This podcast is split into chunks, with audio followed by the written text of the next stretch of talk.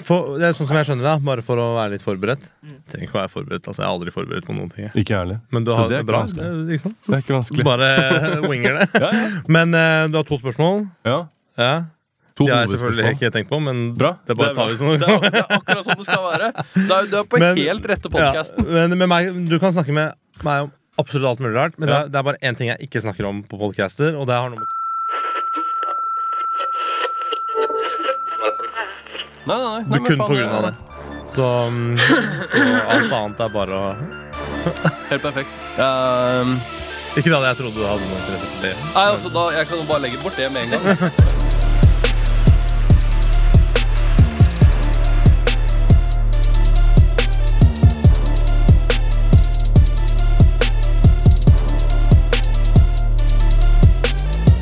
Alpodden.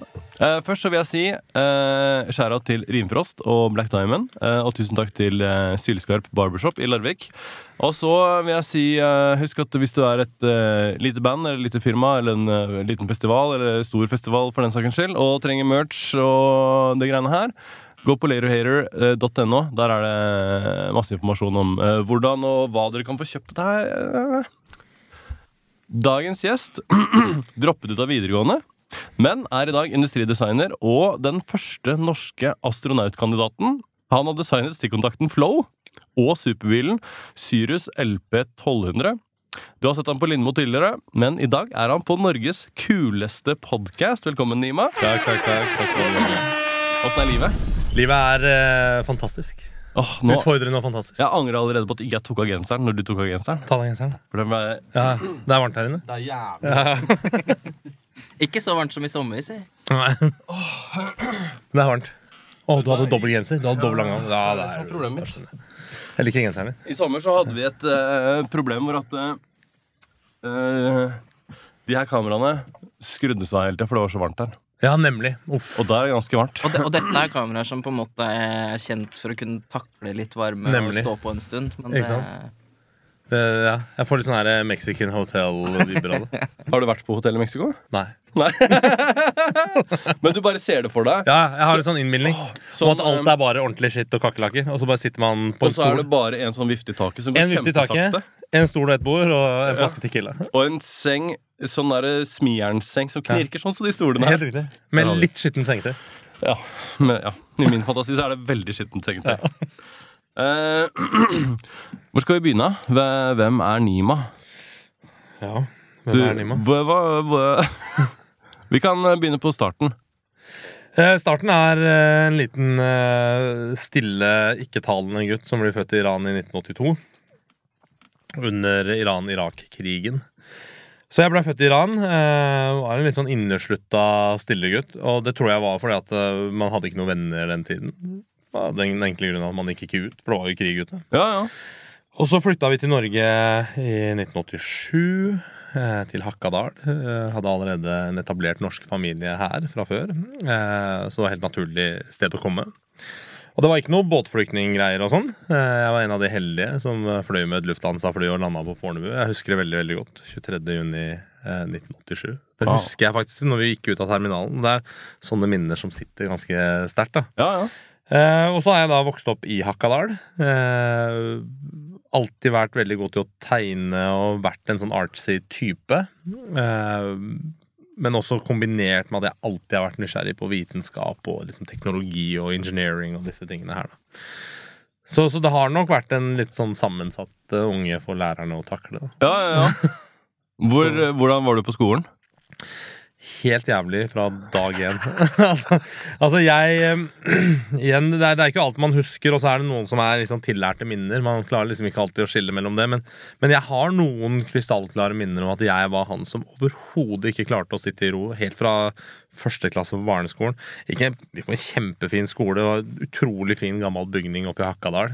Sånn hvit eh, treetasjers eh, bygg, sånn som man ser for seg skoler på 1800-tallet. Liksom. ja, ja. Um, jeg husker liksom klasserommene var så flotte, og alt var så veldig fint. Men jeg var mer opptatt av Det er et par ting jeg også har ganske klare minner om som kanskje reflekterer Gir meg en refleksjon over hvem jeg var den gang. da uh, For eksempel en gang da jeg fanga en spissmus Mhm. og ble bitt. I klasserommet.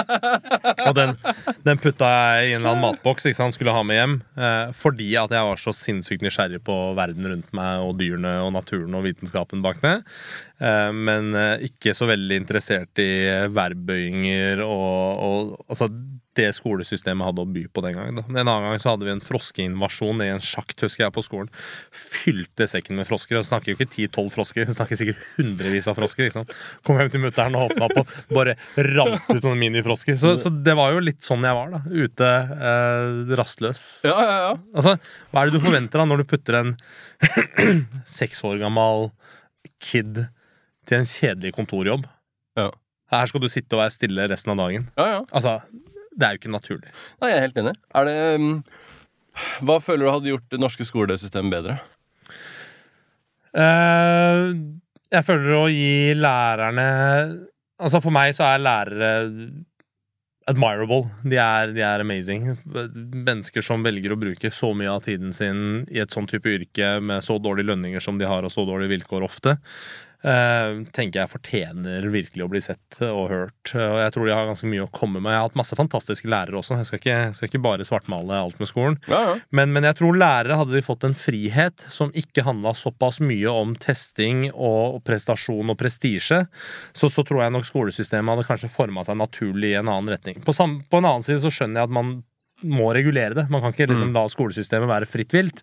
Men man bør begynne å se på altså Sir Ken Robinson, som er en nå avdød, dessverre, men var professor i atferdsforskning, spesielt hos barn, han pleide å si det at uh, vi uh, underviser barna våre etter et skolesystem som ble utvikla for 50-60-70 år siden, Mm. mot en verden vi ikke vet hvordan ser ut om fem år. Mm. Uh, så, så jeg føler kanskje at vi må evaluere og stille oss spørsmål rundt hva disse ulike fagene og, og måten vi lærer på, er det den optimale måten å behandle barn, lære barn på, og løfte barn opp og klargjøre de til fremtiden? Det tror jeg ikke det er nå. Mm. Så det er vanskelig å svare på hva skolesystemet burde vært, men jeg tror nok lærere burde blitt hørt mer, ikke, ikke bare en reform som er politisk. Hvordan tror du skolesystemet blir om 50 år? Jeg tror det er TikTok som er skolesystemet. Jeg tror det er fuckings YouTube-videoer. Ja, Liksom. jeg tror også det. Det er sikkert, Du trenger sikkert ikke å være på skolen engang. Nei, altså du lærer jo Med, med den internettutviklingen vi har nå, så er det jo Mm. ingen tvil om at vi lærer enorme mengder eh, av den lærdommen vi har. Altså, Jeg studerte jo design i ettertid, så det er jo en Jeg var jo dropout, men det er jo en historie her. ikke sant? Og Ja, ja, ja. gjennom mine Jeg lærte jo noen ting de fem åra jeg tok mastergrad i design, men Ja. det aller meste lærte jeg meg sjøl. Ja. Gjennom internett og gjennom det å lese og, og sette meg inn i de fagfeltene jeg trodde var riktig for meg. da. Ja, ja. Så Tror du Jeg tror at uh, Skole er én ting, da. Ja, jeg, nå tror jeg det her med skole òg. Okay, det her er sånn jeg tror ting kommer til å bli. Fordi nå som uh, sosiale medier er så, um, så algoritmebasert, mm, så tror jeg at skole sikkert også blir algoritmebasert. ja. Sånn at den eh, kommer til å bare mate deg med de tinga du er mest interessert i. Sånn at du får på din feed, på hva enn som er det som gir deg en feed, ja. så får du algoritmebasert skole. Sånn at du Sånn som jeg Men da får du eh, aldri utvikla deg innenfor nye ting, da. Nei, men er det det skolen er for, da? Det er jo ikke det. Skolen er jo Sånn som jeg ser på det, så er skolen for å få deg til å bli den her ene tingen. Alle skal bli den nøyaktig samme ene tingen. Og de skal bare produsere 25 av den ene tingen i klasserommet i løpet av et år, og så videre. Og så neste år skal de gjøre den er samme tingen. dritgod til å tegne, da, og så får du aldri prøvd tegning, er Så det dritkjipt? ja, men, Ja, men altså, algoritmen kommer jo til å gi deg det du, det som er det du liker. Det som er naturlig for deg. Dette her er jo ikke TikTok-algoritmen, det er om 50 år-algoritmen. Den kommer til å være helt rå. Den kommer til at du skal få tegning. Er du gæren? Du første dagen kommer du til å få tegning på den feeden. Det er ikke noe å lure på. Nei, jeg tror, jeg tror også det. Jeg tror absolutt det ligger noe i algoritmebasert. Jeg, jeg skjønner argumentene til begge dere to. Ja, altså, det, jeg har ingen problemer med det. Men eh, altså eh, Teknologien har en så stor vekst. Den dobler seg. Teknologikraften dobler seg annethvert år. Cirka annethvert år. Ja. Så det betyr at eh, hvis man har ja, Nå bare sier jeg et tall da, ikke som ikke er, er eh, resonnerer med, med dagens datatall i det hele tatt. Men hvis du har 10 megabyte i dag, da, så har du 20 megabyte om to år. Og så blir de 20 megabytene til 40 megabyte om fire år. ikke sant? Så med den veksten der Akkurat nå så har vi minnepenner som har terabyte, liksom. Altså, vi har jo helt syke mengder med, med datakapasitet, og, Ja, ja. og det kommer bare til å utvikle seg i den samme takta fram til et visst punkt som går da på fysisk begrensning, for da kan, man ikke lage mikrochipper som er liksom like små som atomer. Point being da, er at den teknologien vi har i dag, kommer til å være 2000-dobla om 50 år. ikke sant? Ja. Vi kan gjøre, vi kan gjøre, gjøre litt sånn tankelek på det, da, som jeg gjør med kidsa mine. det er, det er Hvis jeg sier til deg at eh, Jeg husker dattera mi Micaela sa uh, Fatter'n, uh, hvis du gir meg én krone for hver dag Hvis du gir meg én krone hvis jeg slutter å banne, og så bare dobler du den summen for hver dag jeg slutter å banne. La oss prøve på det. Mm. Ikke sant? Én krone. Dag nummer to er to kroner. Dag nummer tre er fire kroner. Dag nummer uh, fire er åtte kroner. Hvis du fortsetter sånn, så har du liksom på dag nummer 20 så er du millionær. Liksom. Dæven steike. Altså. Gjør det regnestykket, og det er helt sinnssykt. Og sånn utvikler jo Ja, fordi at når, når man begynner med sånn 2 pluss 2 er 4, og sånn, så er det ikke så imponerende. Men når det begynner å bli 1 millioner, 2 millioner, 4 Ja, millioner, 8 fort, millioner Det blir veldig fort, de summene der. Ja, ja. Så, så poenget her er at med den teknologien vi kommer til å ha om 50 år, så tror jeg absolutt at algoritmer kommer til å styre mer hvilken retning Ikke, ikke la oss ha liksom, valget på hva vi ønsker å bli, eller hva vi, hva vi tror vi er viktige til å gjøre, men Ja, at du kommer til å skjønne hvor både interessefeltet, men også hvor evnene dine ligger. Og kunne liksom pushe deg i den retningen der samfunnet trenger deg. ja, for der samfunnet trenger deg, det er jo kanskje også en faktor, da. Hvor at, for at samfunnet trenger jo jævla mye bønder. Og da vil jo algoritmen også putte inn en sånn liten sniker om at eh, du liker å gro gulrøtter. Ja, ikke Eh, sant? eller? og så hvis du da bare Oi, det var spennende. Yes! Og da er du fanga, sant? Da bryr seg kanskje ikke så mye om de kunstneriske ferdighetene som du også har, Nei. men da er du på vei inn i uh, Farmwheel. Uh, Men ikke sant? dette er jo dystopi. Ja, for det her er jo Nå, nå bestemmer jo datamaskinen. Da bestemmer datamaskinen. Ja. Og jeg tror ikke det er mange år til datamaskinen begynner å bestemme i større grad. Nei. Det gjør jo egentlig allerede det. Så se, på, se på all den problematikken vi har hatt med demokratiske valg nå de siste tre-fire valgperiodene som har vært i USA, eksempel. da. 300-400 åra, mener du? Ja, det også. Men, men med teknologi i dag, og hvordan man kan gå inn og påvirke. Ikke? Ja. Altså, du har Mark Zuckerberg og, og Elon Musk og et par andre ultramektige som egentlig bare styrer hele verdens Mm. fordi at dette er men altså, Elon Musk eier ikke et sosialt medie ennå. Kanskje han kjøper Twitter. Kanskje vi vet jo ikke. kommer ut. Ja, ikke sant? Men han tvitrer jo f.eks. at han har solgt alle bitcoinsa sine og kollapser en hel økonomi. Ja. Altså det, det viser liksom hva slags makt han har med én setning. Ja, ja. Eh, og Zuckerberg og, og Facebook, metasystemet, altså hvor mye det faktisk styrer, og hva slags betydning det har hatt. Ikke bare for ja. teknologiutviklingen, men også for menneskeheten i helhet. Det er jo helt sinnssykt. Ja, for du har jo Det er et sånt der PR-reklamefirma som har liksom sånn på merittlista si at det var de som fant opp den der Crooked Hillary-kampanjen. Ja. Så de mener jo sånn De, De var liksom med å, å vinne valget for Trump på en måte. ja, ja, absolutt. Som jeg kan være med på at kanskje de hadde en del å si der, liksom. En liten finger med i spillet. Og det har de på liksom showreelen sin. Ja. Vi fant opp den kampanjen der, liksom. Fy er fett. Når tror du vi kommer til det punktet hvor at datamaskinene blir smartere enn mennesker? Og tror du det er sånn at når datamaskinene er smartere enn mennesker, så er det et ordtak som heter 'den dagen det skjer, så er det den siste oppfinnelsen menneskene gjør'? Mm.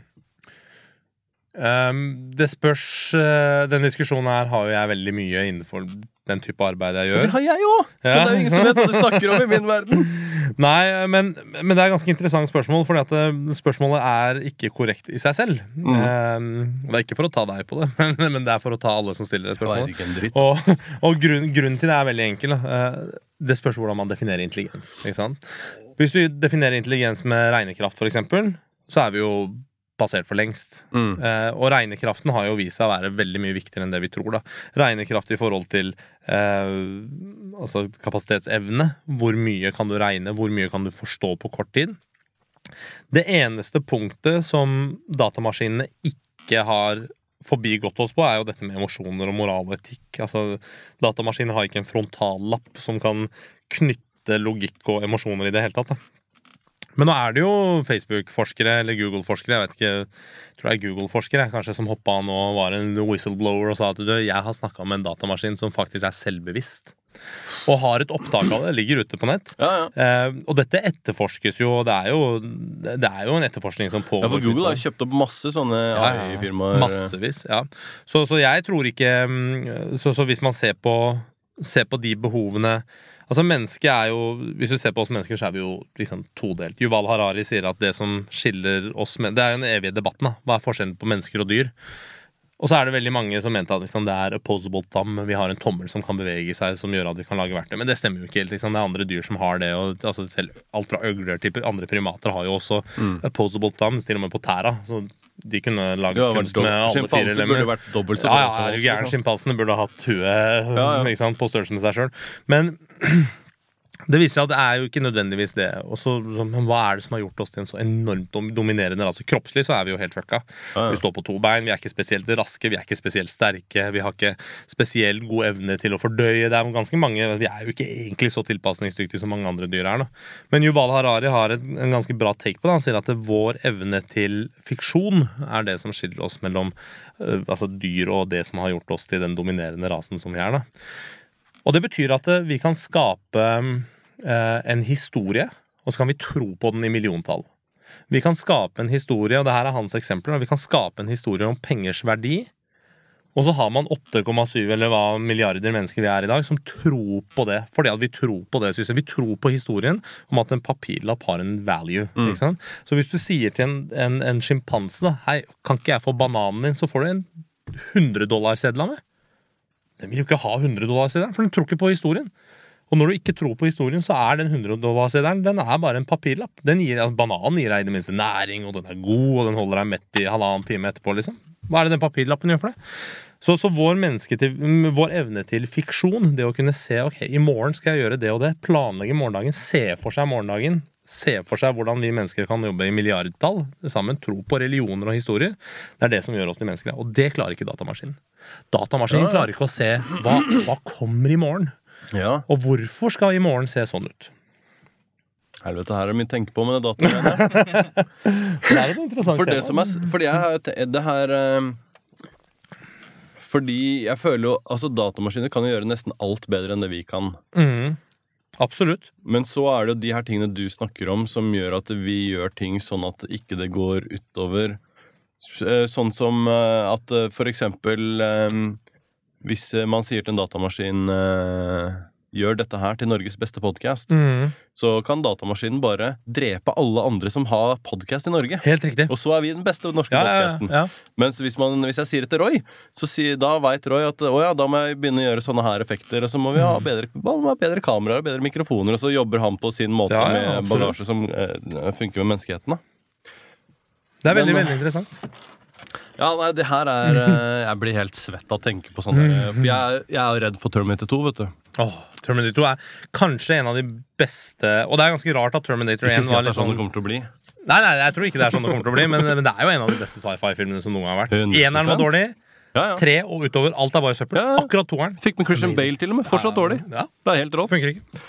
Men ja, det er noe med den derre ah, Og så bygger man Skynet for å beskytte planeten. Og Skynet Ja. sier selvfølgelig 'beskytte planeten'. Ja, det er klart jeg skal gjøre det. Ja. Og hva er den verste fienden? Alle menneskene. Alle Så da er det bare teppebombe hele planeten, og så blir det et geitehelvete Ja. med sånne robotskjeletter som går rundt og spiser Du veit jo aldri om det kommer til å skje eller ikke.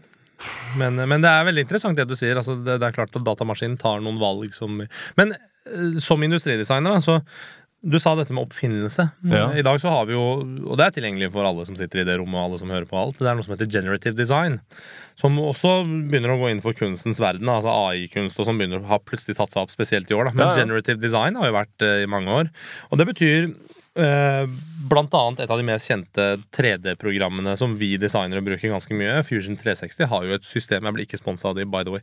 Men, eh, men eh, de har et system som kalles generative design, hvor du legger inn Ok, du skal lage en brakett da, til et Ja. eller annet, og så sier du hva slags størrelse bolter og hvordan den skal fungere. Altså, du gir noen parametere, og forteller den hva slags materiale den skal lages i, og så tenker han litt, og halvannet minutt etterpå så gir den deg et design som er den sterkeste versjonen.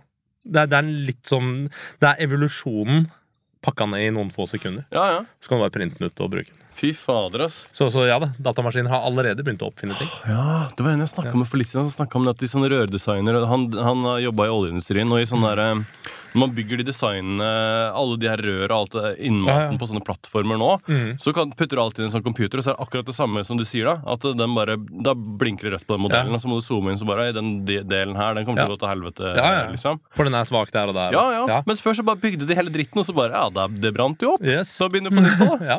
Det var sånn vi mennesker gjorde ting.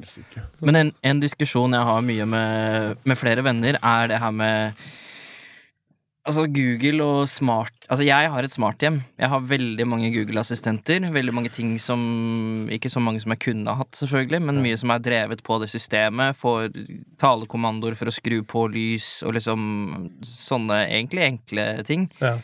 Eh, men så er det mange som sier at nei, det må du ikke gjøre. Du blir overvåka, du blir lytta, og så sier jeg ok, det blir du uansett. Mm. Så hvorfor ikke opte inn og få en bedre opplevelse og hverdag på både internett og i Ja. smarthjemmet ditt? da? Ja, ja. Mm. Jeg er veldig enig med deg. Og der det har skorta litt Altså, Jeg er heller ikke noe paranoid for overvåkning. Jeg har aldri vært det i det hele tatt. Jeg, altså. Men og jeg, jeg skjønner at folk er det. Jeg skjønner at folk føler seg overvåket, men det blir du uansett. Altså, du etterlater spor hele veien, og det er en grunn til at du får annonser på de rare tingene du har googla. Men er, men er det en ting at eh, hvis man snakker om en ting og da vil den fa- for, for jeg har eh, hele tiden trodd sånn Nei, hvor sannsynlig kan det være?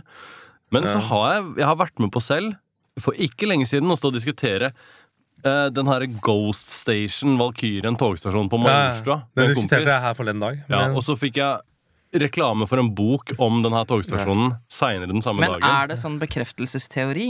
Jeg tenker spiller Ja. inn i det, Ja, det det også. så- at du på en måte vil eh, Altså, det er, det er en del Det er en del regelverk knytta til den type ting, da. Så, så man har GDPR-regelverket som gjør at altså, det, den dataen du eh, til Altså, la oss si banken din. Banken din har ikke lov til å beholde data på deg som, du, som ikke er nødvendig for deres operasjon opp mot deg. da. Mm. Ikke sant? Så, så det er ingen som får lov til å lagre data. Når jeg gjør designarbeid, for eksempel, hvis jeg gjør innsikt, hvilket betyr intervjuer noen for å spørre ja, hvordan er det du bruker toalettet ditt, liksom, så har ikke jeg lov til å lagre den dataen i så måte at vedkommende kan kjennes igjen på noen måte. Mm. Så la oss si at, eh, la oss si at jeg intervjuer Pål i Bærum. Så er det en måte å kunne identifisere han, ikke for det er jo x antall mennesker som heter Pål i Bærum. Mm. Så da må den informasjonen slettes. Så GDPR-regelverket hindrer jo også veldig mye av den type annonsegreier som man snakker om. Men akkurat det du sier, er jo altså, Alle har jo opplevd dette, ikke sant. Jeg tror ikke man blir lytta til. Jeg tror regelverket er for Spesielt etter Analytica-situasjonen til Jeg Meta. var en av de! Var det det? Ja, jeg var en av de. Jeg fikk Ja. e-post fra Facebook. Sorry. Det, det, det, alt er Nemlig. Ja, det gjorde ikke jeg, da. Åh, skulle ønske jeg men, men spesielt etter det. Så jeg personlig tror nok at ditt tråd var sånn, men hvem er jeg til å vite? Samtidig så tenker jeg Altså, sjukere ting har skjedd. Ja, Men jeg ja. håper disse aktørene som har den kontrollen som de har, følger regelverket. Hvis de ikke har lært å skjule det. TikTok òg. Og så er det litt sånn som du sier, at Tik- TikTok lever nok sitt eget liv. Men, men eh, bekreftelsesteorien er nok mest sannsynlig, tror jeg, da. Det er Mm. min personlige subjektive mening. Men det er veldig lett å sitte og være påståelig og nei og ja og det ene og det andre, og så vet man jo aldri hva som skjer. Ja, for jeg har vært så, akkurat det du sier, helt fram til det her Valkyrien-eksempelet, som jeg syns er Ja. Åh, det er så veldig Ja, det er en sjuk snevert. tilfeldighet. Det er liksom sånn hvor, mange, hvor mange mennesker er det som snakker om den tingen? Så ja, Ja. jeg vet da faen. Men har du hørt på meg? For at jeg snakka om Valkyrien stasjon på Nei, fest i fordi går det her Nei, det her er noen uker siden.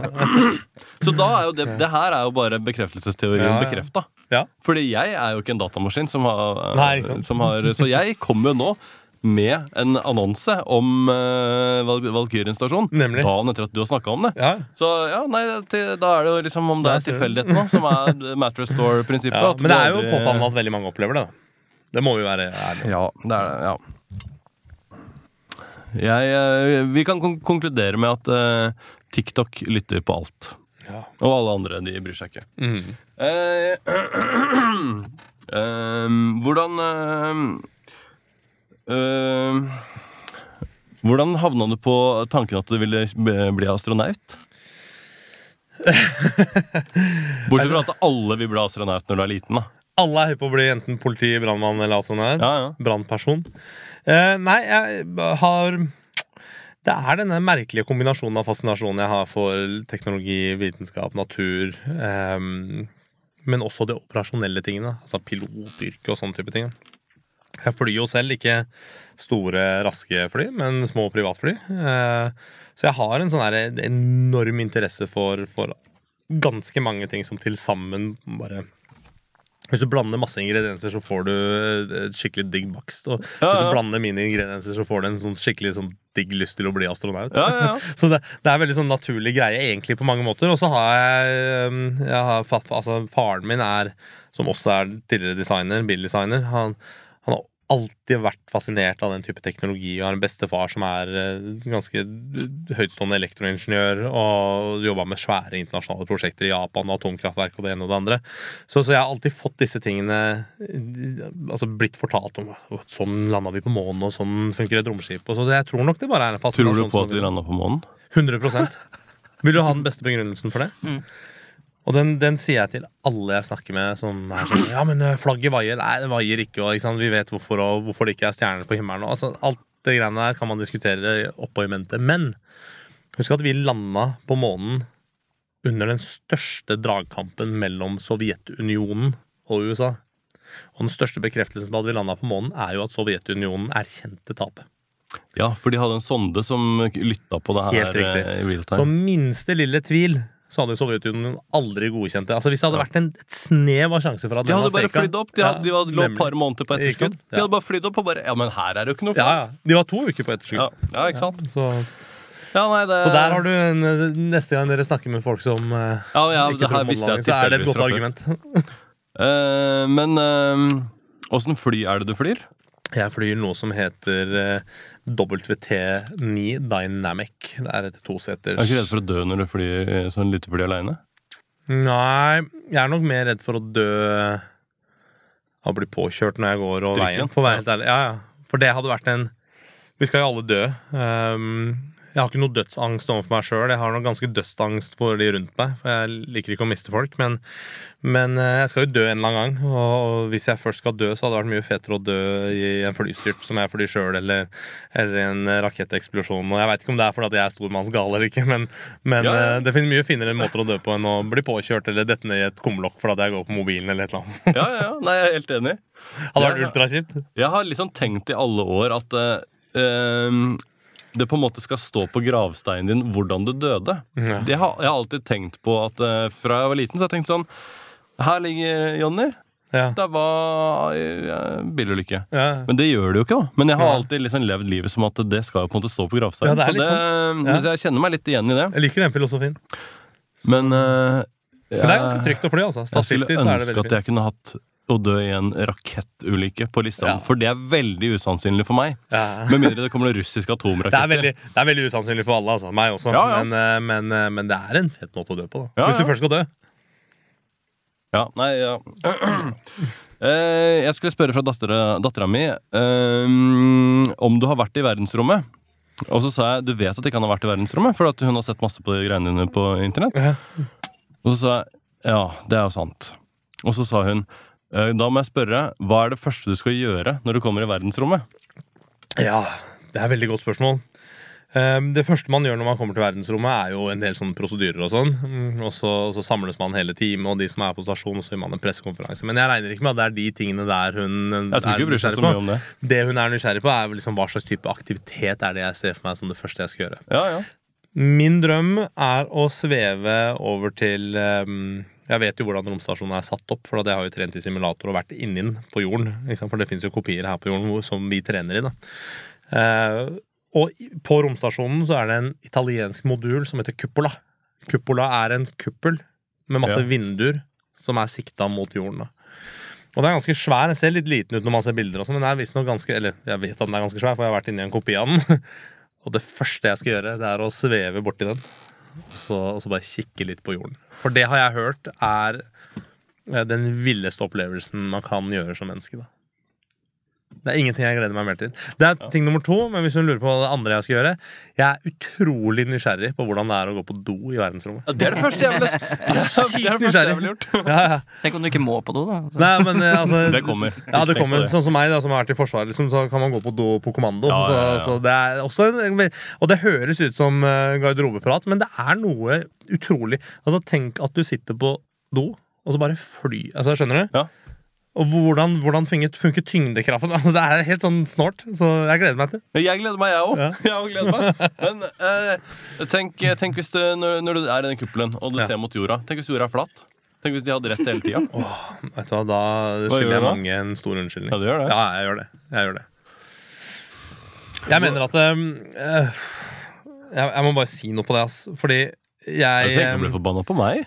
Nei, jeg blir ikke forbanna. Men jeg blir litt forbanna på meg sjøl. Og så, så, så blir jeg litt forbanna på det der, den diskusjonen at den fins. Men, men det er noe med det her Flat Earth-greiene. Det er så mye større enn du tror. da Så da nyheten om meg kom ut Det er en ganske morsom historie. Da, da nyheten om meg kom ut i februar eller mars, eller når det var da hadde jeg holdt på med det romgreiene i årevis. ikke sant? Det er bare ingen som visste om det. For det var såpass hemmelig. Og så fikk jeg tilsendt noen skjermdumper av en sånn norsk Flat Earth Society lukka side på Facebook. Som jeg nå har trykka på 'kan jeg være snill å bli medlem', men jeg får ikke lov til å bli medlem. Men der diskuterer de hvorvidt jeg er del av en større konspirasjon. Da. For nå er det Norges og så er det folk som det er folk som jeg ikke kjenner, da som er inne og sier at 'jeg kjenner Nima, og han ville aldri lurt oss'. Sånn. Så er det sånn Nei, jeg kjenner jo ikke meg, men veldig, jeg liker at du backer meg opp. Liksom. Ja, ja, ja. det var supergøy. Men, men, det, men det er så merkelig. Så, så Ifølge den gruppen, også her i Norge, så er det er sånn Flat Earth Norge, eller hva den siden heter på Facebook.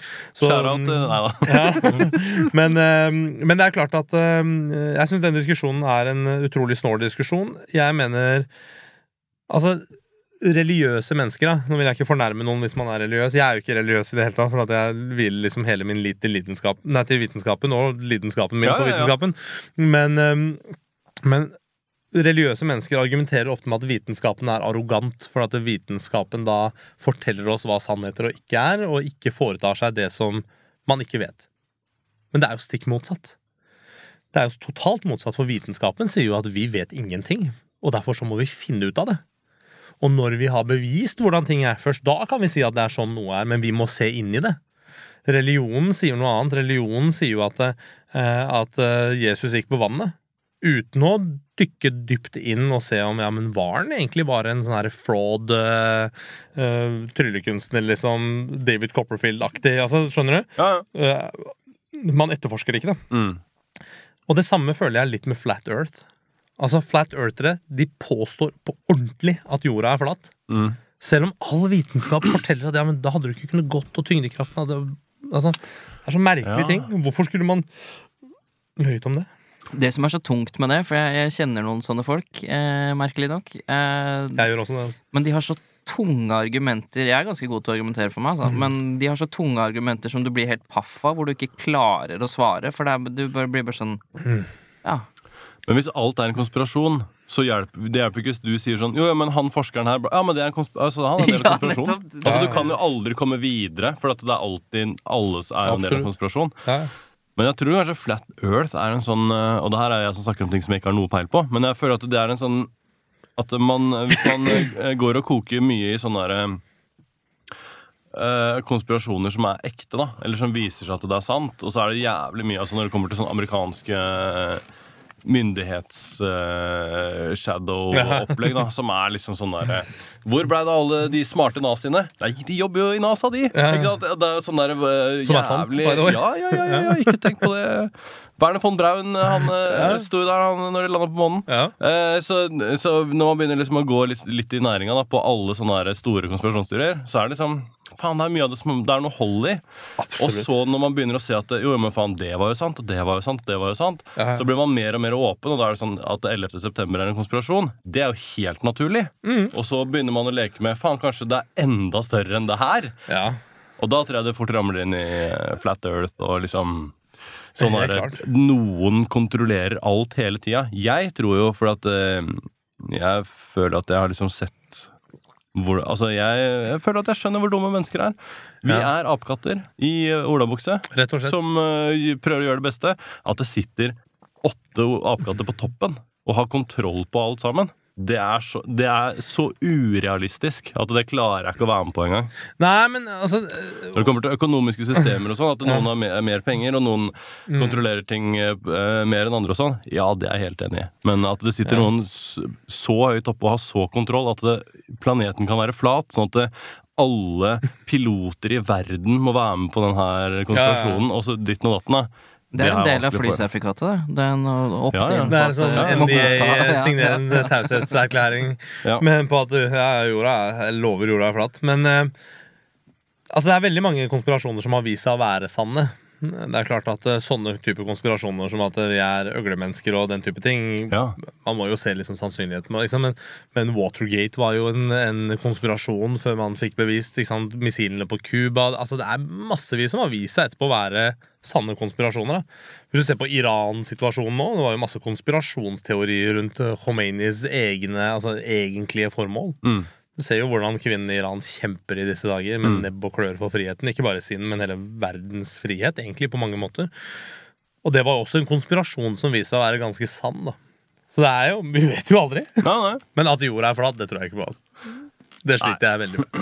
Men eh, det, litt det samme som jeg sa i stad, men mye av det verste med sånn tung, tung, tung eh, Sitte oppe midt på natta YouTube-konspirasjonsteorier, er at det er så manipulativ retorikk. Ja, Det er så veldig. veldig sånn angripende. Så fucker med hjernen din så mye at du bare Ja, ok. Ja, Ja, du ender opp med ja, og så er det noe med Du sier noe veldig interessant her. skjønner du, Fordi jo, Hvis du setter deg sykt mye inn i noe, og vier all tiden din på det, så vil du ende opp med å sitte med shitloads med gode argumenter. da.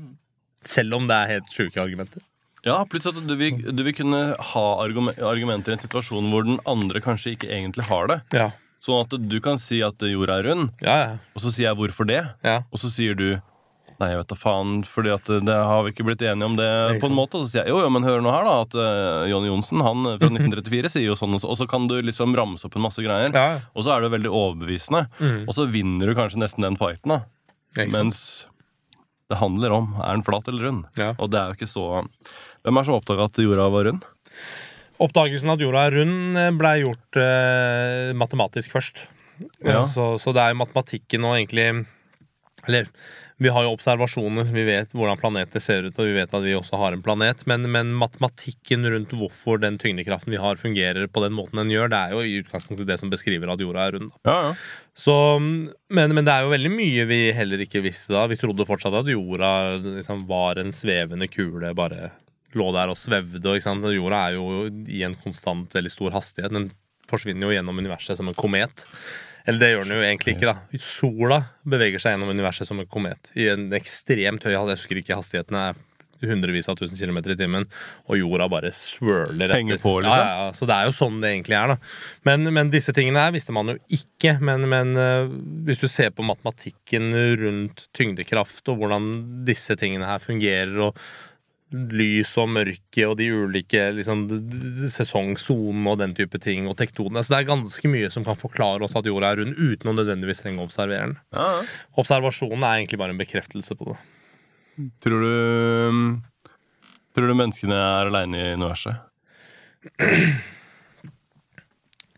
Jeg elsker at jeg spør bare sånn drittspørsmål. Nei, nei, jeg er stiller er faktisk stiller selv, jeg. Stiller ehm, Jeg har lyst til å si ja og nei. Arthur C. Clarke sier noe veldig veldig fint, og han sa det at um, det, er- det bare to muligheter. Det ene er at vi er helt alene i universet. Det andre er at det er noe annet der ute, og begge to er like skumle.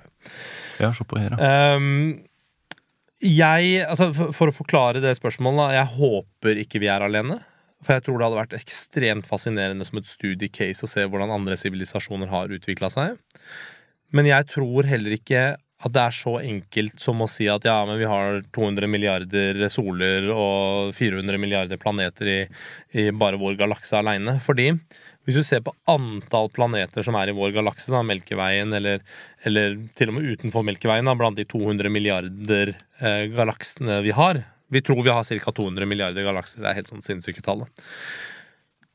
Så er det enda flere Altså tallet for hvor mange tilfeldigheter som skal til for at liv skal bli til, er enda flere enn antall stjerner i himmelen. Mm. Eh, For det faktum at vi sitter her i dette studioet nå og prater med alt det vi har skapt, tilfeldighetene som har brakt oss til det vi er, er så uhorvelig mange. Og de tilfeldighetene må skje akkurat i riktig timing, akkurat riktig avstand fra solen. Et par eksempler jeg kan gi deg. da. Alt vann på jorden er 4,5 milliarder år gammelt. Visste du det?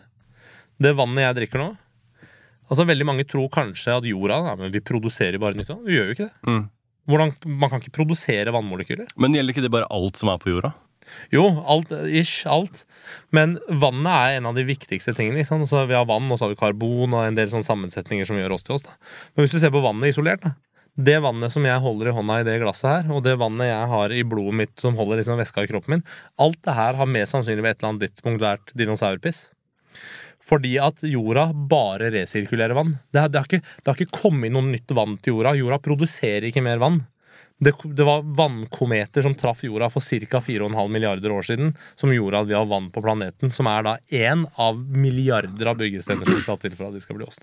Men da er jo det store spørsmålet eh, Hvis det er så unikt at vi finnes, hvorfor i helvete jobber vi på kontoret og hater livet da? Nei, fordi at vi tror eh, vi er smarte, og så er vi egentlig ganske dumme. Uh, og det mener jeg helt ærlig og Ja, oppriktig. ja, selv, altså. Eh, og igjen, da, hvis vi ser på liksom menneskets eksistens da, Vi har eksistert i ca. 200 000 år. Det er det man tror mennesker har eksistert. Og så er det noen som mener at vi har eksistert mye kortere enn det. Det er jo teorier som påstår at vi ikke har vært der mer enn 20 000 år, og andre mener lenger. Men ca. 200 000 år er liksom den vitenskapelige enigheten all over, da. Uh, første Altså fram til 5000 år siden, da snakker vi Hva snakker vi da? 195 000 år. Så var det eneste framkomstmiddelet vi mennesker hadde, det var beina våre. Vi bevegde oss til fots. Det var sånn vi transporterte oss selv og tingene våre. 195 000 år gjorde vi det på den måten her. For 5000 år siden så fant vi ut at hei, det er fett å ri på en elefant. ass. Ja, Ikke skitten. nå lenger, da. Nei, nei. Jeg er helt imot å ri på Ja, men, men, men som, som arbeidsdyr, ikke sant? Og så fant vi ut uh, tre, tre og et halvt tusen år siden at ja, fett, vi kan ri på hester. Da går det enda fortere, men de kan ikke bære like mye. Så vi begynte å skaffe oss disse dyrene som kjøretøy, da. Og så gjorde vi det i 5000 år. Og så for 100 år siden så bare hei, kanskje vi skal bygge en bil, folkens? Og så har vi hatt fra, fra det punktet til vi kjører Tesla, og vi er jo kort tid fra selvkjør, vi er jo nesten på selvkjørende biler nå, så har liksom kurven til menneskeheten bare vært helt flat. Og de siste 100 årene så bare skyter det rett i værs. Mm. Ikke sant? Det sier litt om hvor tjukke huet vi er. da. Og så kan man jo si at ja, men vi har jo ikke hatt uh, liksom, Det er ingenting som har stimulert til innovasjon. Det er det vel?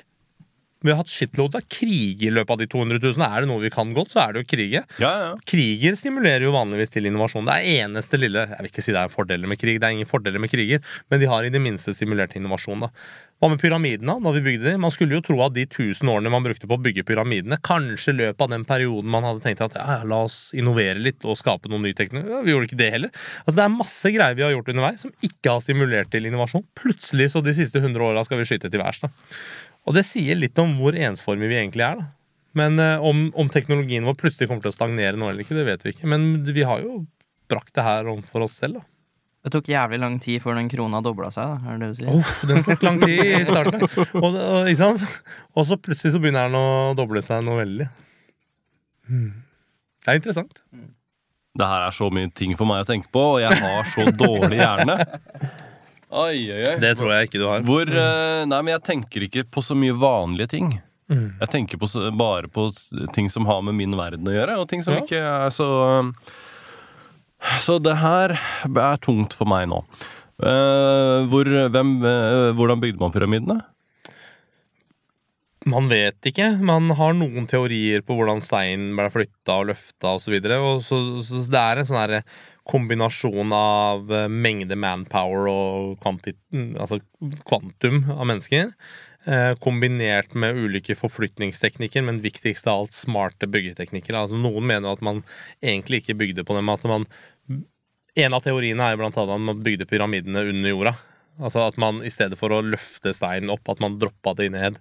Og så gravde ut alt rundt. Det stemmer nok ikke, for det er jo milevis med ørken rundt. Ikke sant? Man skal Ja, ja. grave jævlig mye. Men, eh, men eh, altså, man kan ikke bare carve ut noe sånt ut av Så det er mange teorier på hvordan det har blitt bygd, og man, jeg tror nok mange av de teoriene stemmer også på hvordan man har forflytta steinen og sånn, men, men jeg tror nok pyramidene har vært Eh, ikke en teknologidemonstrasjon, men mer en standhaftighetsdemonstrasjon. Hvor man egentlig bare har valgt at dette skal vi gjøre. Og om Ja, ja. vi flytter den steinen en millimeter om dagen, så skal den faen meg fram. Jeg tror mer på den Som uh, Sagra de Familia, eller hva det heter. Ja, i Barcelona, liksom. Det er bare å fortsette å kverne. Ja, ja, kvern i vei. Om prosjektet går konkurs før det er ferdig, det er ikke så farlig. Her skal vi bare fortsette å holde på. Men det er veldig interessant, da. Pyramidene så ikke sånn ut heller den gang. De var jo polerte marmor... Eh, De var glatte. ja, ja, glatte og fine. Så det var ikke sånn her hakk og Så ikke ut som de var 3D-printa, liksom. Ja, ja. ok. Jeg må spørre deg eh, Vi har fått et eh, Vi har fått et spørsmål fra en lytter via satellitt. Og det spørsmålet Da må du si eh, har vi, Skal vi ha jingle til det her? Nei, vi Nei, har vi ikke jingle. Det vi gjør, er at du sier til kamera Vi har fått inn et spørsmål via satellitt. Se på det her. Og så ja. Oh, ja, for da kommer det på skjermen. Mm. Og så har vi fått inn et spørsmål fra en lytter. Og Nei, jeg må si satellitt. Ja. For det er det viktigste. For jeg, har, eh, jeg er så rå på data at jeg tror at alt er dritt i det. Kommer fra satellitt.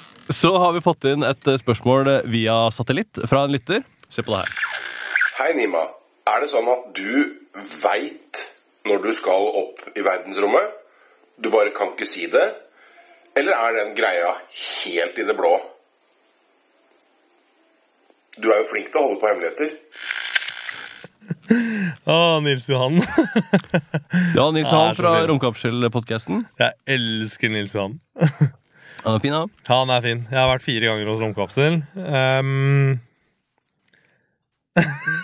Det hørtes ut som et spørsmål som ikke det, Jeg vet ikke om du svarer på vet det her. Jeg skal svare Nils Johan. Ja, gjør det. Jeg vet om tre oppskytningsdatoer. Det vet jeg. Og jeg kan si at den ene er i desember 2023. Den andre er i februar 2024. Den tredje er i mai 2024. Wow. Hvilken av de, eh, hvilken dato det er, det vet jeg ikke. Det vet jeg oppriktig ikke. Så det har Ja, ingenting med at jeg er sinnssykt flink til å holde på hemmeligheter å gjøre. Eh, Så, så en av de oppskytningene er veldig stor Altså stor sannsynlighet for at jeg får en av de oppskytningene. Men hvilken av de oppskytningene jeg får, handler mer om hva slags type oppdrag jeg kommer til å dra på. Ja. Hvis jeg drar på oppdrag aleine, så drar jeg enten i desember 23 eller februar 24. Eh, Men det jobbes for et oppdrag hvor jeg ikke drar aleine. og det er mai 24, eventuelt, hvis det skjer. ja, ja. Og det er det jeg håper på, da, selv om det er litt lenger til. Så, så er det verdt å vente på. Men um, Nils Johan har helt rett. Jeg er sinnssykt flink til å holde på hemmeligheter. Um, og, og, og Hva skal jeg si? Må ikke være sinna på meg, Nils Johan. Jeg vil ikke holde noen hemmeligheter fra deg. Nei, nei. Nei, men grunnen til at jeg holdt uh, Altså Det er veldig mange som, som blei helt målløse av at jeg har klart å gå rundt og holde på at jeg er astronautkandidat i faktisk godt over to år. To og et halvt år nesten hvor ikke jeg holdt på den hemmeligheten.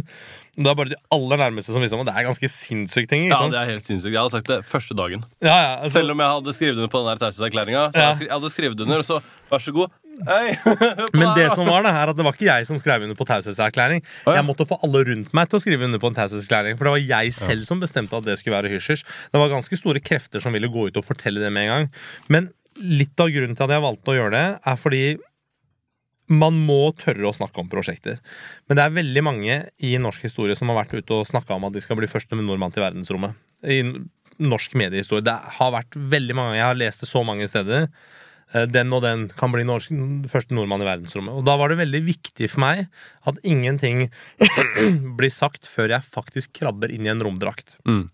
Når det er sagt, så har jeg fortsatt i den dag aldri sagt Altså Hvis noen kan quote meg på at jeg har eh, sagt at jeg blir første nordmann i verdensrommet, så skal du få en medalje. For det har jeg aldri sagt. Ja, ja. Media har sagt at Nima kan bli første nordmann. Det jeg har sagt, er at Ja. det eneste jeg vet, er at jeg er første nordmann i astronauttrening. Ja. Og det er jo sant! Ja, ja, ja. Det ser dere på liksom, Ja, ja, ja. Jeg bare google det. Men om jeg blir første nordmann i verdensrommet, det sier jeg den dagen jeg har sittet i 8 15 minutter etter oppskytingen i den raketten. Hvordan tror du den reisen er opp ut til det til det begynner å flyte, liksom? Dritvond. Ja, den er nok det. Ja, det tror jeg.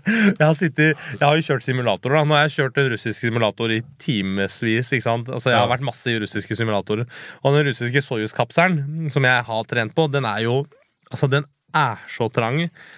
Og vond. For, for, det første, romdrakten og sånn er jo Det er ikke digg å sitte i en romdrakt. Det er utrolig vondt å sitte i en romdrakt. Det er ikke noen kjølesystemer og noen ting. Du håper nesten du får sånn her pressure fall, sånn at du kan fylle med oksygen, for da får du i det minste noe luft i romdrakta.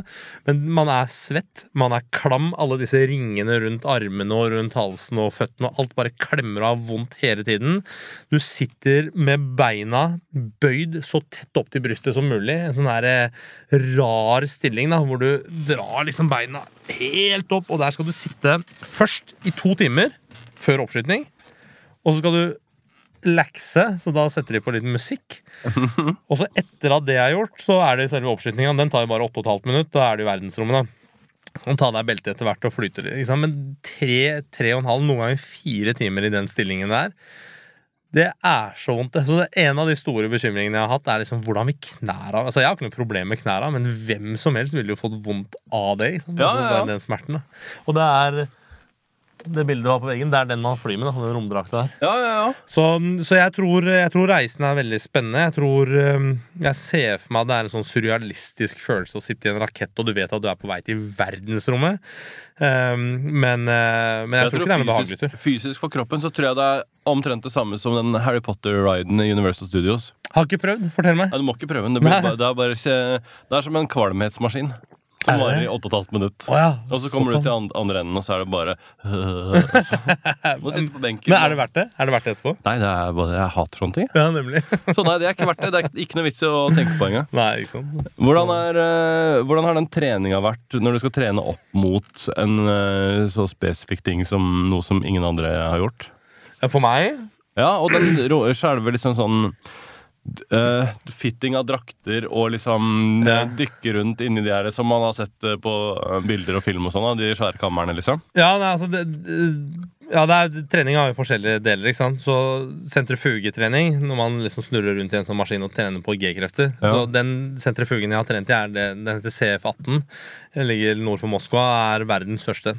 Det er liksom verste delen av treningen, for det hata jeg skikkelig. Ja, Jeg det hadde vært det verste blir kvalm og jævlig, og jeg blir helt sånn her likbleik. Og, og så er det en sånn kvalme som ikke går bort, hvis du skjønner. Det tar lang tid. da. Det tar, resten av dagen er ødelagt. Og, så, så den har jeg aldri digga, men det er nødvendig.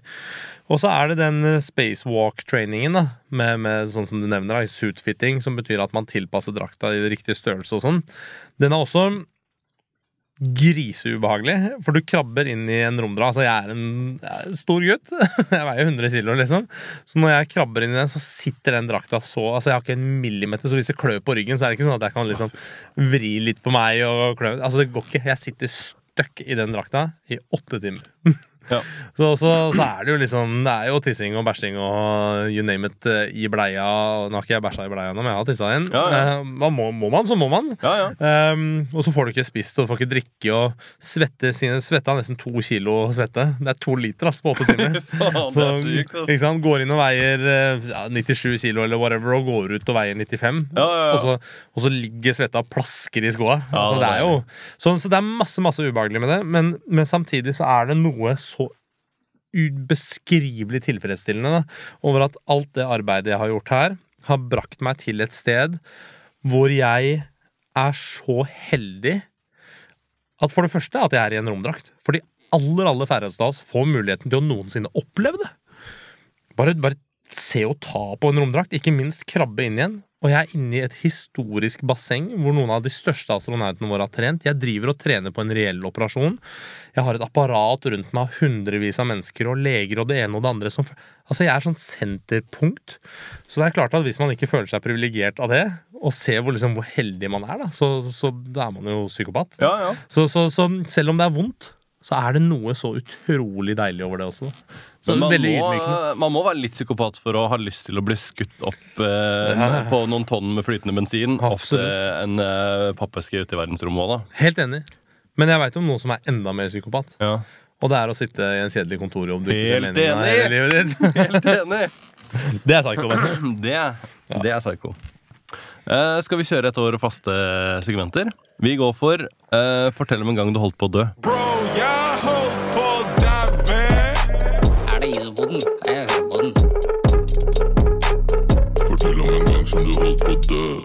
Jeg eh, har vært eh, soldat i mange år. Um, og vært i Afghanistan og vært eh, på veldig mange nær døden-opplevelser. Men det er ikke det jeg skal fortelle om, tror jeg. Nei, det er For at aldri det. alle forventer jo det. Ja. Jeg har jo blitt skutt i brystet med røykgranater og splint i skulderen og mm, hatt liksom vært Altså nærheten av da det har gått av enorme bomber og bare vært akkurat rundt svingen. Altså, det er masse sånne ting jeg har opplevd. Um, men jeg tror nok en av de gangene jeg holdt på å dø, var da jeg oppdaga at jeg hadde kyssesyke. Etter å ha havna i slåsskamp med en politimann på en ungdomsklubb. Ja, ja. Og, så, og han politimannen var ganske røff. Eh, Jeg har hørt i ettertid, faktisk for ikke så lenge siden, så møtte jeg en av de som jobba på den ungdomsklubben. Da var jeg jo 16 år gammel. Eh, Men det som skjedde, var at eh, jeg visste ikke at jeg hadde kyssesyke. eh, Hadde sprø milt og, og endte opp i denne slåsskampen med, med politimannen og sprakk milten. Operasjonen og det greiene der. Og det er klart at eh, hvor nær døden-opplevelse eller ikke, det, det vet jeg ikke. Det er vanskelig å estimere det, men det var en ganske farlig incident. Eh, Men det var også litt av grunnen til at jeg heller vil fortelle det enn alt det jeg opplevde i Afghanistan. er for at Det var veldig livsendrende for meg. Da. For det var da jeg oppdaga hvor skolelei jeg var. Det var jo etter den sykdommen jeg aldri gikk Jeg var jo på sjukehuset i ukevis og sånn. Eh, Og etter det så gikk jeg aldri tilbake til skolen. Jeg blei ganske deprimert og gikk veldig inn på meg. Så det var nok den første liksom, ordentlige nær døden-opplevelsen jeg hadde, tror jeg. Eh, Og etter det så har det vært hundrevis. Men ja, det er, det er en fin historie. Det er litt eh, Det er mange Vi har snakka om det her noen ganger. Vi snakka om det her i ep- en av tidligere episodene òg, hvor liksom eh, Noen ganger så er til politi, men eh, det er dårlig business, altså. Det er dårlig business. Jeg har kjemperespekt for eh, politifolk, og jeg syns politifolk gjør en veldig viktig jobb, men, men det fins råtne epler der òg. Ja, ja, ja. Og det er ikke alt politiet gjør, på samme måte som det er ikke alt astronauter eller, eller soldater som jeg selv har vært, gjør heller, som er dødsbra. Man har, man har de gode, og man har de dårlige eh, folka, og det er klart at akkurat den incidenten der var ganske uheldig. Det sagt så hadde jeg jo mest sannsynlig også vært ganske drittungen, altså jeg skal Mm. ikke bare blame denne politimannen, men, men eh, min atferd var nok ikke helt heldig heller, tror jeg. Den Kunne kanskje blitt håndtert på en annen måte av begge parter. Så man må være litt ærlig. Og Så voksen voksent av deg. Ja, jeg vet det. Så jævla voksen. ok, la oss eh, Jeg vil spørre om én ting til før vi går til eh, Hvordan var det å være på Lindmo? Eh, veldig veldig gøy å være på Lindmo. Lindmo er superkul. Jeg elsker Anne Lindmo. Det er andre gangen jeg er der. Så jeg har vært her to ganger. Første gangen min var i 2013, da jeg gjorde den stikkontakta du nevnte Ja. innledningsvis. Da var jeg hos Lindmo, og så var jeg hos Lindmo nå, og det er bare like hyggelig hver gang. Man blir så godt tatt imot, og, og Anne Lindmo syns jeg bare er en kjempefin eh, person, og teamet hennes rundt er bare helt amazing. Så Ja, ja. jeg håper det showet fortsetter, og så håper jeg at uh, ser uh, målgruppen går litt ned i alder, for det er ganske mye, det er ganske mye bra på Lindmo. Ja, jeg er helt enig. Ja. Eh, hvor- la oss snakke om stikkontakten, da. Jeg har liksom, nå har jeg fortsatt 100 spørsmål igjen, da. Så vi må bare i- jobbe ja, på. Men ja, la oss snakke om stikkontakten. Mhm. Hva er det som egentlig var konseptet? Eh, stikkontakten gjør det lettere å treffe. Ja. Um, stikkontakten er ikke et resultat av en god idé, som mange tror. Det er resultatet av en god problemstilling. En reell problemstilling.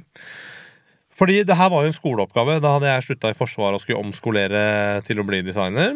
Eh, og, så, og så hadde vi en oppgave som het menneske og funksjon. Det handla om å lage altså det som kalles universell utforming da, på fagspråket. Og så var jeg veldig heldig og forsto konseptet. Danna meg en ganske klar filosofi veldig tidlig rundt hva menneske og funksjon var for meg, og det handla om La oss kalle det design with dignity, da. Altså, hvis jeg skal lage den brusboksen her, så må jeg se på menneskeheten som en linje, og så i den ene enden så har jeg liksom det vi i samfunnet kaller liksom det perfekte eksemplaret av mennesket. Topptrent og supersmart, og alle lemmer fungerer godt, og perfekt syn, alt er altså, så bra et menneske kan få blitt. Bra i gåseøynene. Og i den andre enden så har vi den ekstremt funksjonsnedsatte på alle måter. ikke sant? Hvis du klarer å lage et produkt som begge de to ytterpunktene, de ekstreme ytterpunktene kan bruke, så har du dekt alle imellom. Ja, ja, ja. Og det er bra for menneskeheten, og det er bra for business. Hvor da selger du til større målgruppe. For meg så var stikkontakt eh, en av de produktene som nesten alle mennesker på jorden forholder seg til hver eneste dag på et eller annet nivå. Hvis du lever i et samfunn med strøm, vel å merke. Da. Vi bruker det til lader og alt mulig. sånn, Dette vet vi jo. Så om du vil eller ei, så er du liksom innom en stikkontakt minimum en gang om dagen. Eh, Og du og jeg som er friske, eh, heldige og helt friske, vil jeg tro. Jeg er ikke helt frisk. Du er sikkert ikke helt frisk. Ingen av oss er helt friske. Men, men poenget er at det, Frisk nok. frisk nok til å kunne plugge inn en stikkontakt. For oss er det en liten irritasjon. Alle har opplevd det. Ok, Under en sofa, eller når du skal lade mobilladeren under en seng, det er mørkt, knoter med å treffe. Det er ikke det jeg var interessert i å løse. Men hva med den personen som har revmatisme, da? Eller som er eh, svaksynt, for eksempel? Hvorfor ikke lage et produkt som både vi som er heldige og egentlig ikke har et reelt stort problem, kan bruke, men som andre mennesker ikke kan Altså det er ikke mulig for de å bruke. da. Ehm, Så derfor så, så valgte jeg å jobbe med stikkontakt. eh, Og så hadde jeg jo fra den problemstillingen jeg oppdaga, så hadde jeg masse konsepter på hvordan det skulle se ut og funke. Den ene var som en sånn trakt nedover veggen, så Ja. du, du trakk ned langs veggen, og den funka dødsbra. Du bare trakk den langs nedover veggen, så, men den så ut som et pissoar. Ja. Og da var ikke det Da mangla han en funksjon, ikke sant? Ja. For da ville jo ikke friske mennesker Nå sier jeg friske, jeg stigmatiserer veldig nå, men da ville ikke friske mennesker kjøpt den. Da hadde det blitt et hjelpemiddel. Ja. Så jeg måtte lage noe som var liksom vakkert nok. Så vakkert en stikkontakt kan bli, som egentlig aldri er spesielt vakkert, men den er jo der. Men det måtte være fin nok til at hvem som helst ville kjøpe den, også de som er funksjonsnedsatte. Det var liksom filosofien. Det prosjektet gjorde jeg på halvannen, to uker eller noe, fra liksom første problemstilling til ferdig prototype. Kanskje det enkleste, raskeste prosjektet jeg har gjort noen gang. Tok helt av. Ja, Så nå er den jo utstilt på Nasjonalmuseet. ja. ja. Det er ganske kult. fader, det er Ja. sykt, ass. Så det er filosofien bak den. da Herregud. Ja, det, ja, nei, du har så bra svar på alt òg, så ja, Det er hyggelig. Eh, hvordan eh, Ok, jeg må bare spørre hvordan Jeg skal bare spørre eh, kjapt, så du kan bare svare med ett ord. Ja. Ja, vi gjør det sånn. Svar bare med ett okay. ord. Hvordan var det å få norske flagget på drakta? To ord. Dødskult. Ja, bra. Det, hold, det holder lenge. Eh, Researchavdelingen vår fant uh, noe på internett uh, som jeg, om at du prøvde å sette fartsrekord på kjelke. Ja. Hva er det for noe? Jeg Har ikke prøvd det ennå, men er på vei til å prøve. Jeg har jobba ti år med det prosjektet nå. Det er barndomsdrøm om å ha verdens raskeste rattkjelke. Altså, hvem er det som ikke syntes det var fett å ake da vi var barn? Eller fortsatt. Jo, jo, men det er vel kanskje ikke så Er det hard konkurranse i Jeg vokste opp i Hakadal. Okay? Ja. jeg, bodde på, jeg bodde i et hus Altså, Det her er ikke noe jeg bare sier for storytellingens skyld. Huset jeg bodde i, var på toppen av en bakke. Du gikk ut av døra, og så hadde du bare sånn 10 eh, fall ut fra ytterdøra og 600-700 meter. Rett fram. Og den bakken kalte vi Akebakken, og de strødde den ikke. Sånn at kidsa kunne ake. Sånn vokste jeg opp. Så ja, det var veldig naturlig for meg. Ja, ja. så, så, så ja, kjelkerekorden er, har bare vært en sånn drøm, men det har endt opp med å bli en kamp mellom eh, meg, oss, teamet og, og fysikkens lover. ja. Eh, Fordi at eh, det har gått fra å være et litt sånn moroprosjekt til å bli et blodseriøst prosjekt som er på helt Formel 1-nivå på teknologi og materialitet og design og utvikling. Da. Og så har den jo blitt testa grundig i en av verdens mest avanserte vindtunneler hos Toyota Motorsports i Curlen, og vært masse, masse utvikling rundt den. da. Hva er rekorden til nå? Den er på 124 km i timen og ble slått av en eh, jævlig fet fyr som heter Guy Martin. Eh, jeg har til og med invitert Guy Martin til å bli piloten av dette. For jeg, altså, jeg trenger jo ikke rekorden. Jeg vil bare utvikle maskinen Ja, som slår ja. rekorden. Altså, om hvem som har rekorden fysisk, det bryr jeg meg ikke fnugg om. Men eh, han har ikke svart. Så nå har vi en annen pilot som jeg ikke kan si hvem er, for jeg er så jævlig god til å holde hemmeligheter. Det kommer snart. men eh, men, eh, men eh, rekorden er på 124. Jeg tror det er 124 km i timen rundt det der. Og våre analyser viser at vi mest sannsynlig kommer til å passere 300-merket. Altså, så, men altså, så det vi gjør, er jo ikke Det vi gjør er jo ikke bare å doble rekorden, men vi dobler den med litt til. Eh, og så, så endrer vi det som i fysikkens lover kalles terminal velocity, hva et objekt kan falle. da En menneske som faller En fallskjermhopper som faller, faller i 250 km i timen ca. Ja. Så, så vi Det er raskere enn fritt fall. Ja. Fy faen. Raskere enn fritt fall av et menneske.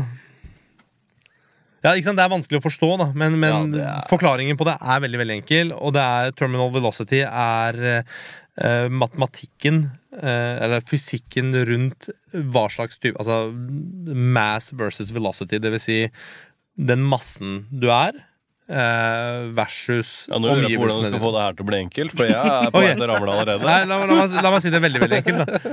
Hvis, du, hvis du slipper en murstein, Ja. så har den en veldig dårlig aerodynamikk. Den Nei, er men- tung, det er fordelen, så den faller fortere. Fordi den utligner tyngdekrafta med vekta si. Men den faller dårlig fordi at den er flat, ikke sant? så den får luftmotstand. Men hvis du tar samme mursteinen, samme vekta av en murstein og former den som en rakett, så vil du endre hastigheten på den, for da, vil luftmotstanden bli en mindre faktor. Ja, ja. Det er det vi holder på med med Kjellkan. Hvor viktig er det at raketten er helt spiss? Eh, den skal ikke være helt spiss, nødvendigvis. Ja, det er det jeg har hørt. Ja. Det jeg synes det høres rart ut. Ja, det høres, Jeg skjønner at det høres rart ut, eh, og det, det der er ikke lett å forklare enkelt, altså. Men eh, Nei, noe vi kan ta det i en egen podkast hvis du vil. Men, men nei da, rakett, altså, alt som er Aerodynamikk handler ikke om at ting skal være så spisst hele tida. Det handler om å kontrollere lufta, ikke nødvendigvis bare kutte gjennom. Bra, det var kjempebra forklart. Jeg skjønte det jo. Jeg skjønte Der alt sammen. Jeg burde vært lærer. Ja, det er faen ikke kødd. Det har kanskje hadde inspirert kidsa til å La meg si det sånn, da. Jeg har to barn hjemme. Du har allerede inspirert kidsa mine oh, med det du gjør eh, allerede. Ja, setter jeg veldig pris på. Hvor gamle er de? Uh, eh, nå brukte jeg for lang tid. Nei, det er lov. det er lov Jeg klipper det. Ikke de, på det. Ja, de er 8 og 13. Å, så fin alder. Uh, så det er hun minste som er mest ivrig, da. For hun er sånn eh, Får litt sånn oppheng på ting, da. Ja. Sånn når hun er interessert i én ting, så er det sånn "Nå- er det bare den her tingen eh, som gjelder, da. Du får hilse de masse fra meg. Jeg skal gjøre det. Jeg sa Hun ville egentlig være med. Ja, Og så sa jeg Hun får fort mark i ræva, som vi sier i Larvik. Eh, ja, så hun kjeder seg. Så jeg sa sånn Jeg skal spille inn åtte podcaster på to dager. ja. Du kommer til å hate det. Jeg bare, Nei, jeg vil, bla, bla, bla. ja jeg får sikkert truffet deg en gang. det, ja. det ordner seg. Eh, men vi må brenne videre til eh, vårt andre faste segment. Hmm. Hva er din favoritt-tatovering?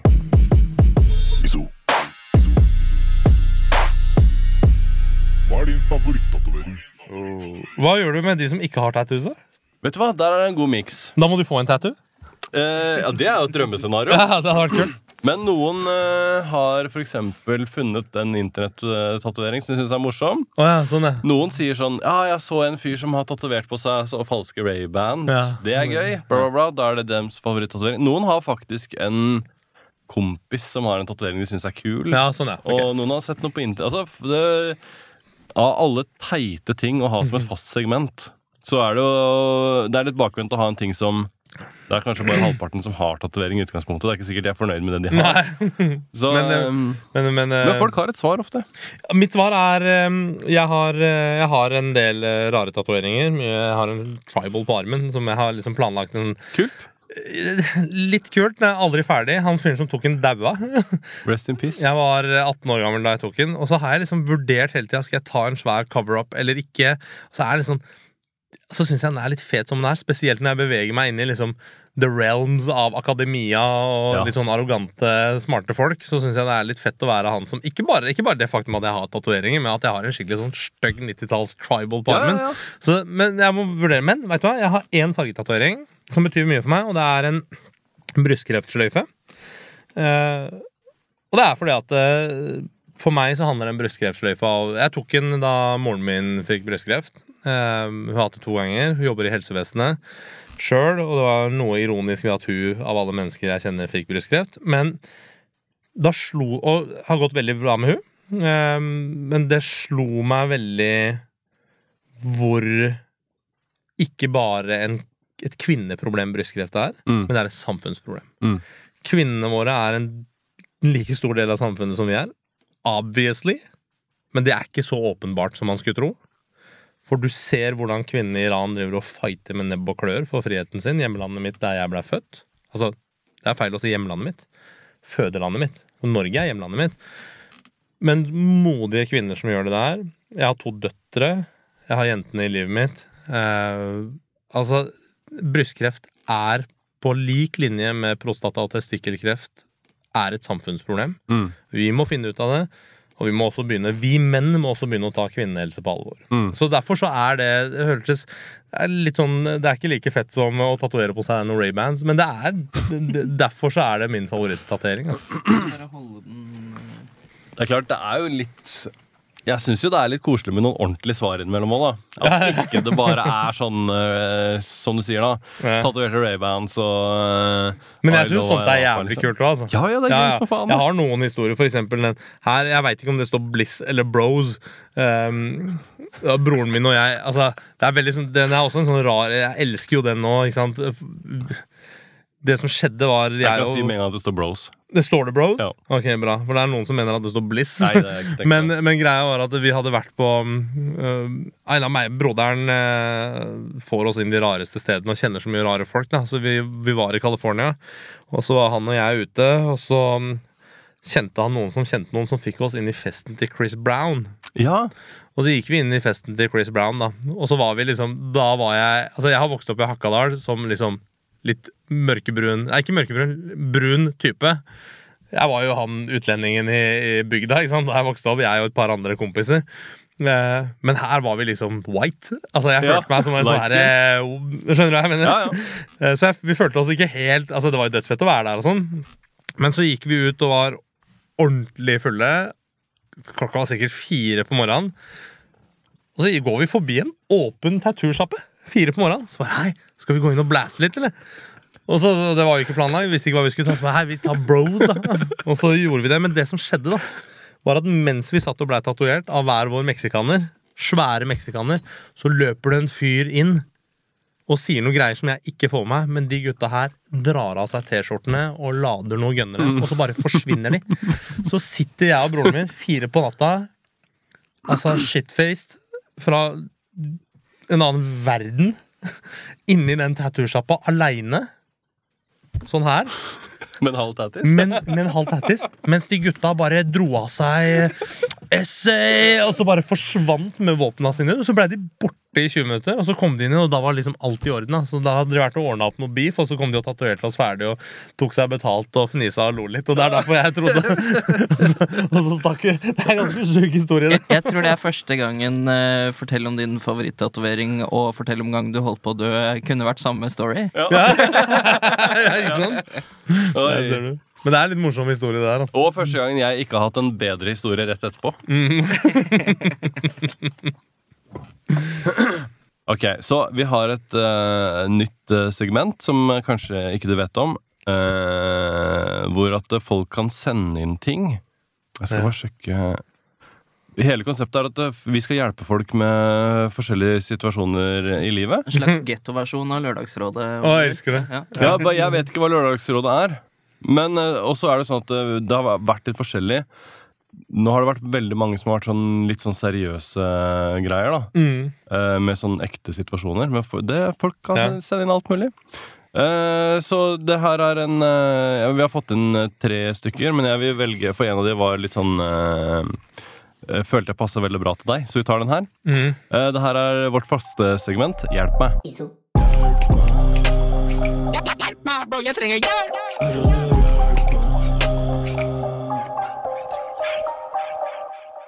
Hvis romvesen kom til jorda, og du måtte velge ett menneske til å representere menneskeheten, hvem hadde du valgt? Den er ikke dum, den der. Det er det råeste spørsmålet jeg har hørt. For da føler jeg at det, Hvem er det som har det sendt- må jo Altså, Den som har sendt inn det, dere må sende noe merch til vedkommende. Altså, Jeg har slutta å skrive ned hvem navnet er, for Ja. jeg tror kanskje jeg har sagt navnet til folk som kanskje ikke ville. Ja, sånn, ja. sånn, så jeg, vi, men til deg som har kommet med det spørsmålet, du er awesome. Hvem som skal representere menneskeheten? For da, jeg, jeg ser jo for meg situasjonen at det kommer et romskip ned i Washington DC, sånn som de gjør på film, og så går det ned en trapp, og så kommer det et romvesen. Ja, så, Det er ikke Joe Biden du vil sende i front da? Er- Baby, Eller Trump. baby, Ja, ikke sant? Men uh, nei, det er et ordentlig godt spørsmål, ass. Det er litt sånn det som er så sprøtt med det spørsmålet, hvis du ser på menneskets historie liksom Man snakker om Mahatma Gandhi og Moder Teresa, ikke sant? hvor viktig de var. De var ikke så fette folk alltid, de heller. skjønner du Mm. Moder Teresa var jo helt psyko Ja, ja, Hun hadde noe svinn på skogen. Noen svinn, hadde mer svinn på skogen enn det motsatte, for å si det sånn. Ja, ja. Ja, ja, så, så det er liksom vanskelig å si. Men jeg, jeg tror jeg ville valgt en litt sånn fet average Joe. Jeg liker pers det, er- det er et veldig subjektivt spørsmål, ikke sant? Det jeg ikke liker, er jo litt sånn her høres ironisk ut i den verden jeg jobber i, og det er sikkert noen som kommer til å bli dødsfornærma nå, ikke sant? men jeg liker folk som har levd litt. Skjønner du? Jeg liker ikke nødvendigvis når folk er altså, skoleslitere som Ja. aldri har gjort noe gærent i sitt liv, og alt er bare perfekt, og alt er fasade, og alt er polert. Jeg har ikke helt sansen for den type mennesker. da. For Hvis man sender liksom sånn det smarteste mennesket i verden da. Si du sender Elon Musk, for han er jævlig smart. Ja, Men de som kommer ut av det romskipet, De de, har jo akkurat flydd gjennom hele ja planeten. De er smartere. De er jo Ja, ja. Du vil ha noen som møter de sosialt. Ikke sant? Altså, Ja. liksom Viser hvor fete okay, de mennesker kan være. jeg vil også svare på det. Ja. Jeg sender kompisen min kongla. Han er sånn fyr som øh, drikker seg dritings, legger seg konge i øh, hengekøya, og så blir han båtsjuk, og så kaster han opp. ja, Jeg sender også en kompis, tror jeg. Ja. Han heter Ali Ja. Josheri. Ja. Han er Fordi at han er bare både smart, men også jævlig morsom. Han er liksom er ikke smart, men han er jævlig morsom. Ja, nemlig. Men Ali er, Ali er både smart og morsom. Ja, ja. Men Ali er Altså, jeg, jeg, jeg kan ringe han når som helst, uansett humør, og så bare ler jeg til jeg dauer liksom, gjennom hele samtalen. Og bare, så, fordi at han er en fet fyr, liksom. Ja, ja. Så Ali ville jeg sånn sendt. Iraner fra Hakadal, han òg. Ok, Så sender vi Ali, Kongla, og hvem vil du sende, Roy? Jeg satt og tenkte litt på det nå. Jeg, jeg lurer på om jeg Litt dark, men jeg må bare gå for noe. Hvis ikke så grubler jeg meg bort i evigheten. Kjør. Jeg tror jeg ville sendt Dag Sørås. Dag Sørås, faktisk. Er ikke han cancelled? Nei, han Hvem er Dag. Sørås? Eh, norsk komiker. Eh, ganske sånn dark politisk eh, Ja. Hvordan har han unngått å bli cancelled? Han er, bare, han er jo smart, han er jo ikke dum. Han, sier jo, han går ikke i de fellene som Bernt Hulsker ja. går i. holdt jeg på å si. Han kjører Nå ikke har sånn nazihilsen og sånn? Det er ikke en det er, det er, Jeg føler at eh, de fleste klarer å unngå å gå i de fellene som Hulsker har gått i. da Ja. Det er ikke så Det er ikke dritvanskelig å unngå å kjøre Jeg ble veldig overraska at han gikk i den fella der. Altså, altså At noen litt, i det hele tatt gjør det i disse dager. Ja, fordi han Men det er jo som vi har jo toucha innpå, vi skal jo ikke forsvinne langt inn i det, men det er jo som vi har toucha innpå før, at det, det, det bor jo noe der fra før. Det er ikke en glipp, eller det er jo en glipp, men det Ja. handler jo om noe som er iboende. Ja, ja. Jo noen det. verdier som ikke Ja. er helt uh, på plass. Jeg skjønner hva du mener. Ja. ja. Ja. Men uh, Dag Sørås, Ali og uh, Kongla. Kongla. ja. Ja. Jeg jobba med Hulsker. jeg. ja. Ja, jeg kjenner Kjørte den mye, bare mye sånn Nei, jeg bygde, og vi, vi, bygde, vi bygde en fotballkanon Ja. som sto på Youngstorget. Og så skulle han kopiere skuddene til Hulsker på Dælinga. Oh, ja. Ja, så når han skøyt på et mål, så var det noen sensorer vi plasserte på det målet. Og så tok den fotballkanonen og mimikerte det, de skuddene. Så sto folk på Youngstorget og spilte fotball mot Bernt Hulsker, som da var på Dælinga. Det var fett. Vi gjorde det for Telenor. Så sykt. Hvordan, ja, hvordan havner du i sånne prosjekter? Sånne? Er, det det, er det stort sett det du alltid bruker tida di på? Bare sånne prosjekter det er For meg så er det bare surr og rør, og det er det ja, gøyeste ja, som men, fins. ja, jeg, jeg skjønner, og det er det jo òg. Ja, ja. Og det er supergøy. Men så ligger det en seriøs side i det. For hver gang jeg gjør sånne surr og rør-prosjekter, så, for det er jo det der, så lærer jeg også veldig mye, og den lærdommen har jeg en tendens til å ta inn i de seriøse prosjektene. Så i dette tilfellet her så lærte vi masse om IOT-teknologi. Som er den samme teknologien, altså Internet of Things, som er den samme teknologien som gjør at eh, du kan liksom lage en kirurgirobot, og så kan kirurgen være et annet sted i landet og operere noen. Skjønner du? sånn, ja. Så det er den samme teknologien. da, så Vi lærte ja. mye, og så lærte vi masse om liksom, materialteknologi og hvordan vi kan liksom, optimalisere hastigheter på, på ting. Og, så det var masse fet lærdom i det òg. Men jeg havner nok i sånne Jeg havner i veldig mye sånne prosjekter. Jeg har gjort så mye rare ting. Altså, altså du Robotstøvler for Pepsi Max og masse greier for Telenor. Og bygde en robot en gang sammen med noen kompiser eller kolleger. Da, da jeg dreiv for meg sjøl, som spilte på klokketårnet på Oslo rådhus. Hvor rått er det? Hvordan på orgelet. Jeg, jeg, sånn- jeg tror jeg har blitt kjent for å være han designeren som eh, Jeg har blitt en sånn go to guy når det kommer til sånne typer rare Som de Mythbusters-gutta, liksom? Litt sånn, altså. Ja, ja. Ja, og jeg synes det er helt kult.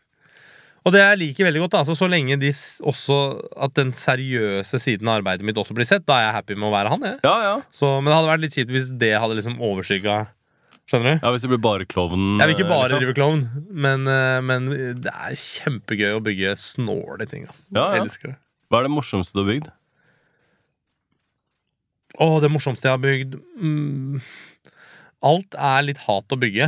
Fordi at Ja. det, det ender jo med at man er våken det- altså, fire-fem netter på rad og liksom, ble helt sånn ødelagt og sånn. Men nei, det morsomste jeg har bygd, var det, ja. Åh, jeg har bygd så utrolig mye. Jeg tror Pepsi-støvlene var noe av det morsomste jeg har bygd. Vi bygde noe, altså ordentlig Det er robotstøvler. Du trykker på en knapp, og så blir det en sånn stylte. Sånn at det, og så går du helt dust, for de veier jo åtte-ni kilo stykk. Eh, Men, men det var supergøy, fordi da Pepsi Max kom til oss via JCP, da, som var da eventbyrået som hadde landa kunden, så var det til den der Pepsi Max globale Genius-kampanjen i utgangspunktet. Og så blei vi spurt om å bygge den, men det de spurte om oss, er å bygge en prop. Oh ja. Altså en litt Ja. sånn fake Vi var bare sånn Hvis vi først skal bygge den, så kan den faen meg fungere. så vi bygde en fullfungerende. Og så, og så si altså, ja, Pepsi eier den jo egentlig, da. Og så spurte Pepsi om å få den for de skulle utstille den. Og sånn, så har jeg bare dodga det og dodga det. Og det jeg må vedlikeholde jeg må gjøre noe med den, for jeg har ikke lyst til å gi den fra meg. Nå har det gått mange år, og er fortsatt, så nå har jeg stjålet den. Så, nå, nå står de nede på verkstedet mitt. Oi, Så gøy. jeg skal ikke gi de fra meg. Det er fortsatt gress på de fra Øyafestivalen, der de Ja. reklamefilmer ble spilt. Men ja. Jeg tror det er det gøyeste jeg har bygd. Jeg har bygd veldig mye rare ting. ass.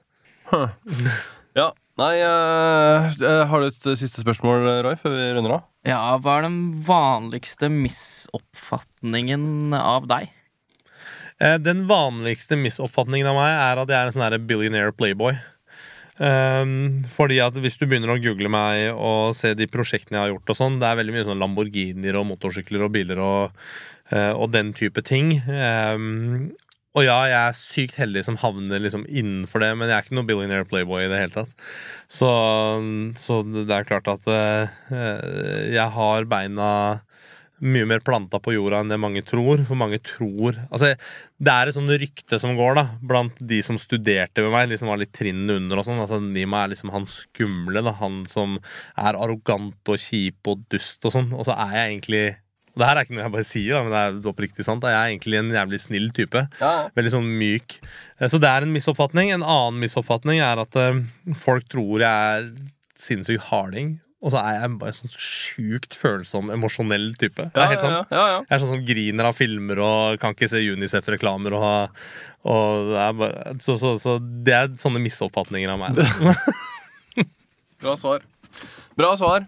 Eh, tusen takk for at du ville være med på Norges beste Tusen takk podkast. for at jeg fikk være på Norges beste podkast. Eh, neste gang dere ser Nima, så er han i, i verdensrommet. Eh, takk for oss. Later!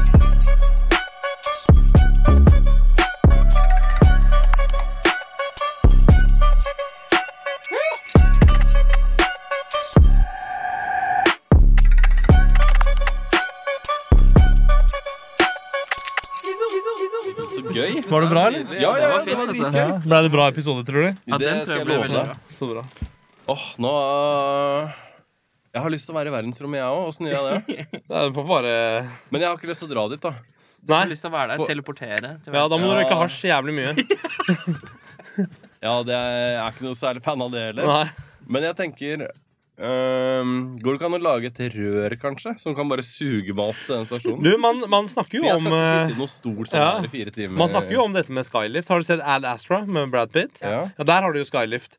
skylift. altså, Om man kommer til å bygge det noen gang eller ikke, det vet man jo ikke. Men det er jo en helt blodseriøs teori. At man å bygge Skylift. Nei, nei, nei. Jeg har aldri trodd du er dum heller. Ja, Men, men Skylift er, det er veldig, veldig interessant fordi eh, det billiggjør eh, vedlikehold av satellitter. For vi må opp i høyden. Liksom. Man må få altitude for å få dekning og sånn. Uh, men spørsmålet er liksom, trenger satellitter å gå i bane, eller kan vi ha liksom, kjempemaster? Kommer vi til å klare å bygge det? da? Og det er veldig, jeg synes det er kjempeinteressant. Jeg tror vi kommer til å gjøre den type ting i fremtiden. Ja, absolutt. Huh.